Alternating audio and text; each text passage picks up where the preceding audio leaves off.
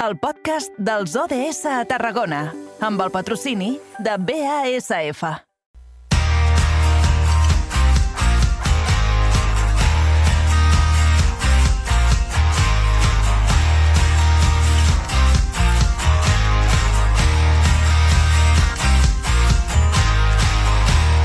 Carrer Major, Eduard Virgili.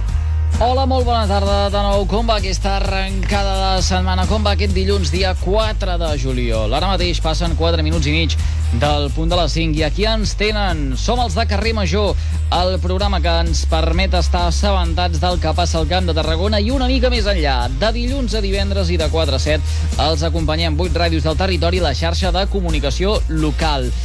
Nosaltres el que farem ara serà encarrilar ja el tercer tram de carrer Major i ho farem seguint retratant tot el que passa al territori. I, de fet, d'aquí una estoneta, al tram informatiu els explicarem que l'atur ha registrat més de 40.500 persones al Camp de Tarragona i l'Ebre aquest juny, segons les dades del Ministeri de Treball i Economia Social. Són 1.200 persones menys inscrites a les llistes, el que representa un 3,06% menys respecte al mes de maig. L'evolució interanual indica que hi ha més de 12.000 aturats menys, una xifra que suposa una reducció del 22% respecte a les dades registrades per l'administració estatal fa un any. I el sector serveis continua encapçalant el major nombre de persones aturades, amb més de 28.400. Aquesta és una de les notícies que avui tenim en portada i, de fet, nosaltres l'ampliarem de seguida i alhora, d'aquí una estona, també ens aturarem a Tarragona, Reus, Montblanc, l'Hospitalet de l'Infant, la Selva, Baixcamp, Torredembarra i Altafulla.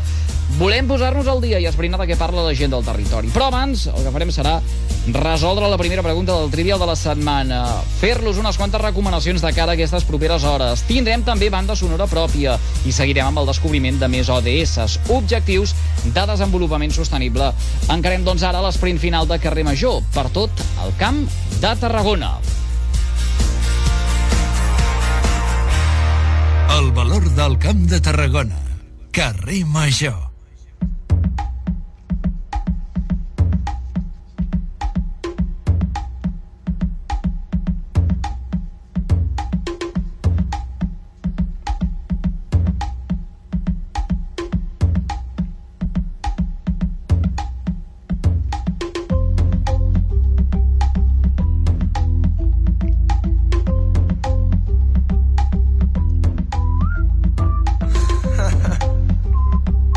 Minutets del punt de les 6 de la tarda. Hora perfecta per aturar-nos als estudis de BXC Ràdio. Allí tenim sempre puntualíssim el nostre company Miquel Llevaria. Miquel, bona tarda, bon dilluns.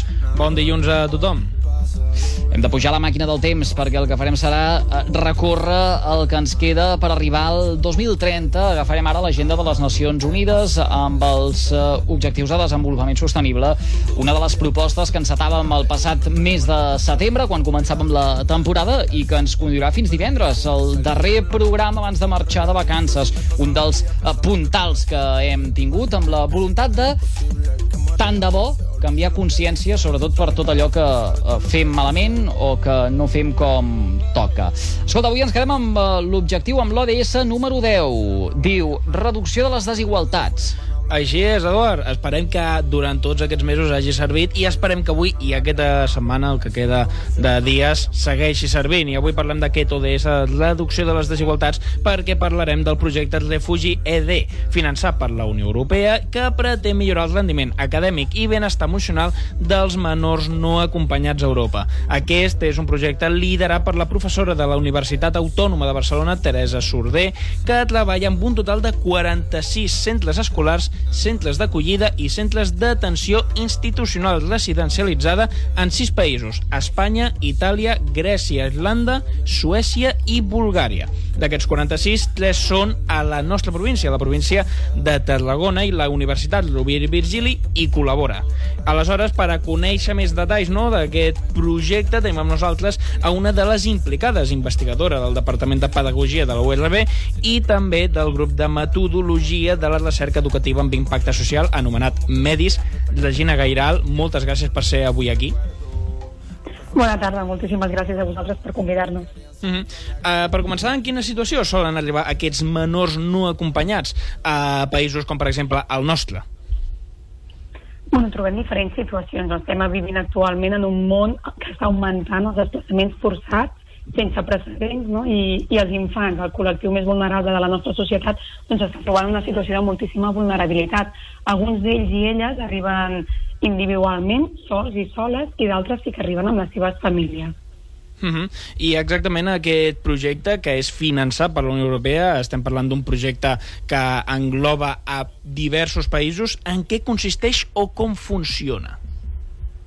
Sí, bueno, és important ressaltar, com tu has comentat, no? no és un projecte qualsevol, sinó que és un projecte molt important. La Comissió Europea um, dona, no? um, aporta pressupost i diners per poder implementar accions no, que realment transformin les vides de les persones. No? Doncs Refugit és una investigació finançada per aquest programa, l'Horizon 2020, de la Comissió Europea, que té com a objectiu identificar, aplicar i avaluar pràctiques efectives basades en evidències en l'educació, no només en l'educació, sinó també en la salut mental, que han demostrat tenir un impacte positiu amb les persones amb les quals s'implementen. Per tant, aquestes pràctiques efectives no, esperem demostrar no, que també tenen èxit a nivell educatiu, a nivell de benestar i a nivell també de pertinença amb aquests infants i adolescents i joves doncs, que són refugiats actualment en el nostre país i en els altres països que, que conformen el projecte.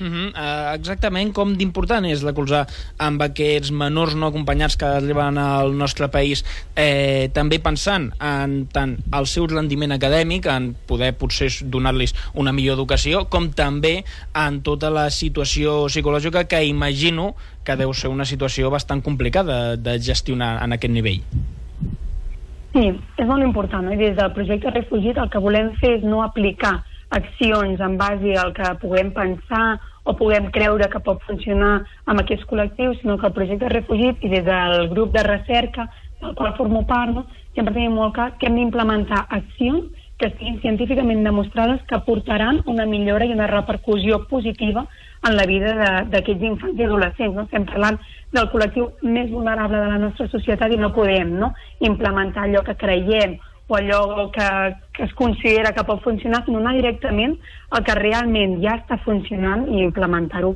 amb aquest col·lectiu. No volem aportar una major oportunitats i possibilitats per, per a aquests infants i adolescents. La literatura científica ja és molt clara, no? Ens diu que si aconseguim que les persones tinguin un majors resultats acadèmics, doncs repercutirà no? en la millora de les vides d'aquestes persones. Per tant, el que ens centrem en aquest projecte és justament en això, no? donar una resposta efectiva i real a aquests col·lectius tan vulnerables. Uh -huh. eh, vostè mateix deia paraules molt importants, aportar, donar opcions, i al final aquí hi ha diferents agents implicats, a més de diferents eh, països, com per exemple els centres d'acollida i també universitats, com és en el nostre cas, en el seu cas, de la Universitat Rovira Virgili. Exactament, eh, la Universitat Rovira Virgili, quina és, quin és el seu paper? Com hi participa? Sí, doncs justament tenim la sort, com vostès deien a l'inici, no? que des del Camp de Tarragona eh, s'han proposat, no? Vam, des del projecte Refugit, en aquest cas, com vostè deia, liderat per la Universitat Autònoma de Barcelona, amb la professora Teresa Sorder, no? eh, ens, es va posar en contacte amb nosaltres, amb el grup de recerca Medi, ja que hi havia tres centres del Camp de Tarragona, en aquest cas tres centres d'emergència, que volien participar en el projecte. No? Realment volien implementar actuacions educatives d'èxit um, i accions que milloressin doncs, la salut um, mental dels seus adolescents i joves que tenien en els centres. Per tant, donat que era en el Camp de Tarragona i que des del grup de recerca Medis portem una línia um, molt semblant de la que estan treballant des de la Universitat Autònoma de Barcelona, doncs vam donar aquest suport, no? en aquest cas des de la Universitat Rovira i Virgili, tant jo com els meus companys i companyes estem realitzant seguiment i formació amb aquests tres centres. Uh -huh. eh, I a la vegada també jo suposo que també és per al fet de que a Espanya eh, aquest el tema dels menors no acompanyats és un fet bastant important o és un dels països als quals rep una major quantitat. Ho notem, per exemple, en el fet de que, si no m'equivoco, d'aquests 46 centres 13 d'ells són a Espanya i 3 d'ells, en el nostre cas, són de Tarragona i, a més, està liderat per una professora que és d'una universitat d'aquí de Catalunya, de la Universitat Autònoma de Barcelona. Suposo que eh, el fet de que des de Catalunya i des d'Espanya se lideri aquest projecte eh, demostra de que és una problemàtica molt present al nostre territori. Sí, sí, sí, així és. En el nostre territori, i, ho sabem tots i totes, no? que, que és una situació real en la que ens trobem, no? però també hi ha fluxes migratoris en altres països, en els quals també hem volgut incorporar. No? Per exemple, formen part de, del projecte Itàlia, Grècia, Suècia, Bulgària, no? Irlanda, que són també um, països acollidors, no? o països que arriben, més que acollidors, països en els quals arriben doncs, aquests fluxes migratoris. Però sí, Espanya és un dels països que actualment tenim una, una major arribada d'aquest cas d'infants i adolescents joves. I, i, i, i, en el, I en el cas del nostre territori, la, la ciutadania és conscient, senyora Gairal, de la, la, la problemàtica i com eh, s'ha d'encarar aquesta problemàtica que eh, serveix també un estudi d'aquestes característiques per eh, denunciar a, a l'hora eh, que per eh, ajudar en el benestar emocional d'aquests menors no acompanyats que eh, arriben a, a Europa. Ho dic perquè eh, després eh, arribem a escoltar barbaritats de si no volem, per exemple, que aquests menors acompanyats eh, acabin allotjant-se a la ciutat del repòs i vacances de Tarragona per eh, que mm, els etiquetem i diem que ens generaran tota una sèrie de problemes. Mm. Sí, Sí, bueno, realment aquí tenim una feina molt important als mitjans de comunicació, no? i penso que, que sou claus.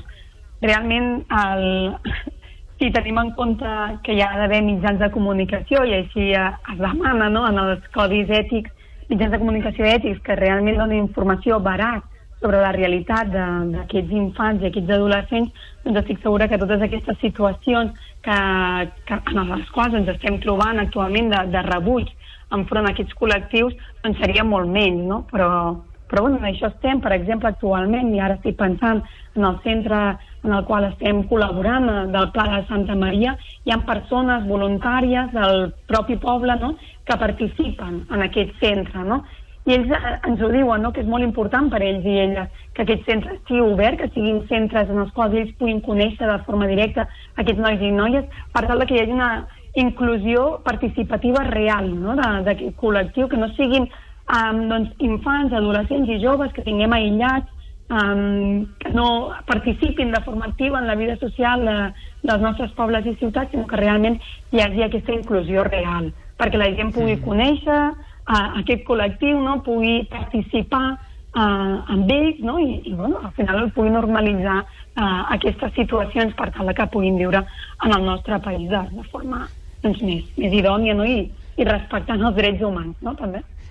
I l'administració està fent el uh, paper que li toca? Uh, li ho pregunto tenint en compte això, eh, el contacte uh, estret que vostès tenen amb aquests centres amb els quals doncs, estan treballant o que, uh, que amb els que estan, doncs, el, el serveixen de, de mostra en mm. la uh, investigació. Més enllà d'aquests comentaris en clau positiva del que significa uh, a, a, a, conviure plegats amb a, els, aquests menors no acompanyats i per tant doncs, d'ajudar-los també en aquesta a, integració en els estudis o, o, o en el seu propi benestar emocional.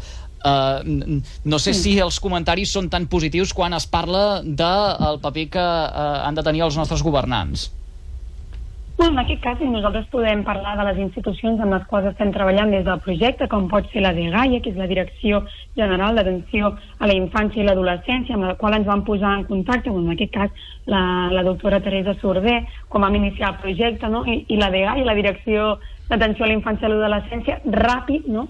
Ens va dir que estaven molt interessats i interessades en poder participar d'aquest projecte, no? realment en, a, en poder aportar en els seus centres no? on hi ha aquests infants i aquests adolescents que acaben d'arribar al nostre país a poder a, a, a, aproximar, no? apropar doncs, aquestes accions que estan demostrant un impacte positiu. No? També s'estan trobant en un moment complicat, no? on ara ha baixat més el flux, però hi va haver alguna, alguns moments no? que hi havia un alt nombre d'infants i adolescents que arribaven doncs, al nostre país i es trobaven desbordats no? i demanaven també, doncs, en aquest cas, a, a les institucions, a la universitat, com des de la ciència poder millorar i revertir la, la realitat d'aquests nens i nenes. Per tant, nosaltres, i, i parlant des de, amb el contacte que hem mantingut no? amb, la, amb la DGAIA, doncs podem dir que sí, que sempre hem estat oberts i disposats a que puguem aportar des de la ciència no? allò que realment doncs, pot funcionar i allò que pot revertir en un impacte positiu cap a aquest col·lectiu.